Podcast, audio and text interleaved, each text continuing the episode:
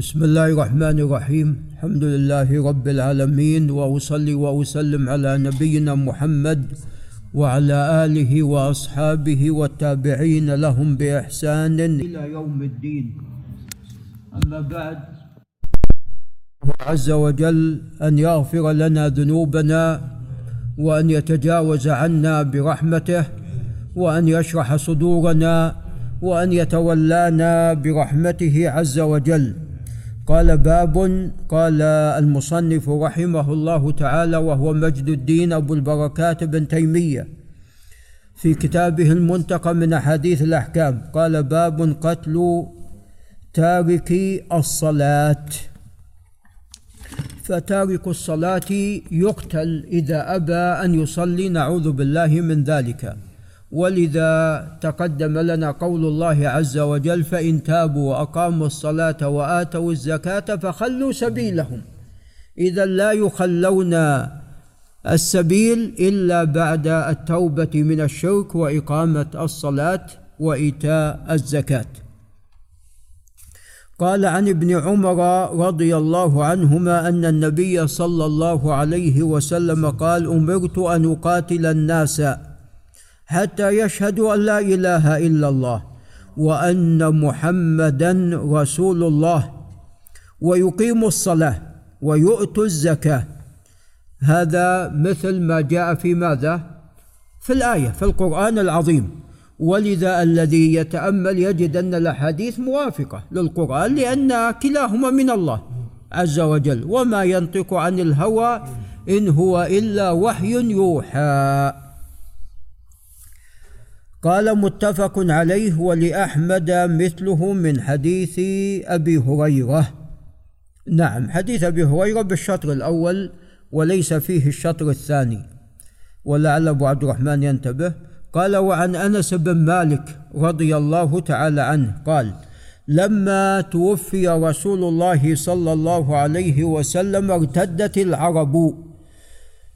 فأغلب الناس نعوذ بالله قد ارتدوا. ولم يبقى إلا طبعا أهل المدينة وأهل الطائف وأهل مكة وجواثة قرية بالبحرين وهي بالأحساء كانت الأحساء تسمى البحرين. قال ارتدت العرب فقال عمر يا أبا بكر كيف نقاتل العرب؟ هذا بعد وفاة رسول الله صلى الله عليه وسلم. فقال أبو بكر إنما قال رسول الله صلى الله عليه وسلم أمرت أن أقاتل الناس حتى يشهدوا أن لا إله إلا الله وأني رسول الله. ويقيموا الصلاة ويؤتوا الزكاة. رواه النسائي. وهذا لعل الشيخ أحمد العتمي ينتبه. هذا الإسناد ليس بالقوي. الأقرب أنه معلول لأنه قد رواه النسائي عن محمد بن بشار عن عمرو بن عاصم عن عمران بن أبي العوام عن معمر. وعمرو بن عاصم وعمران بن أبي العوام ليس بالقويين. عن معمر عن الزهري عن أنس. وقد جاء في الصحيحين من حديث الزهري من طرق طبعا عن عبيد الله بن عبد الله بن عتبة عن أبي هريرة. أو عن سعيد بن المسيب عن أبي هريرة. فهذا الإسناد ليس بالقوي. نعم ويغنينا الحديث السابق عنه. قال وعن أبي سعيد الخدري رضي الله عنه قال بعث علي رضي الله عنه وهو باليمن إلى النبي صلى الله عليه وسلم بذهيبة فقسمها بين أربعة ذهيب ذهب. قسمها بين أربعة فقال رجل يا رسول الله اتق الله. وهذا من الناس الجهال. نعوذ بالله. فقال ويلك أولست أحق أهل الأرض أن, يت أن يتقي الله؟ هو رسول الله صلى الله عليه وسلم. ثم ولى الرجل فقال خالد بن الوليد يا رسول الله هلا أضرب عنقه؟ فقال لا لعله أن يكون يصلي. فقال خالد وكم من مصل يقول بلسانه ما ليس في قلبه.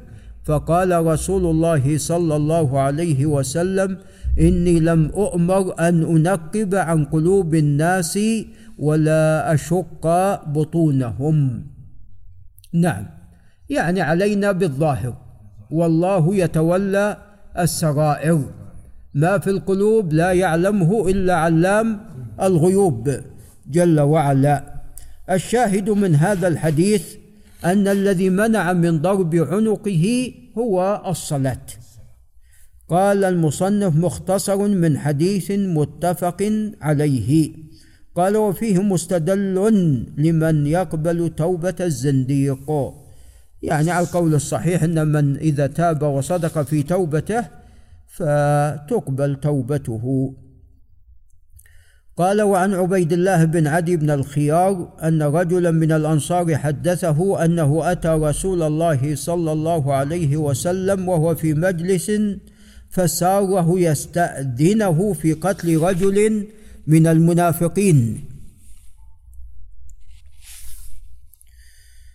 فقال فجهر رسول الله صلى الله عليه وسلم فقال أليس يشهد أن لا إله أن لا إله إلا الله؟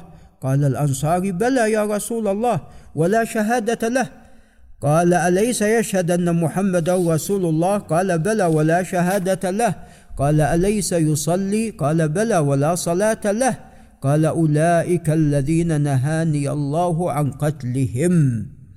رواه الشافعي وأحمد في مسنديهما. وهذا قد أحل أعله أبو حاتم بالإرسال. نعم. وكما تقدم يعني حديث أبي سعيد الخدري يغني عن حديث عبيد الله بن عدي بن الخيار. ولعل نقف عند هنا. هذا وبالله تعالى التوفيق.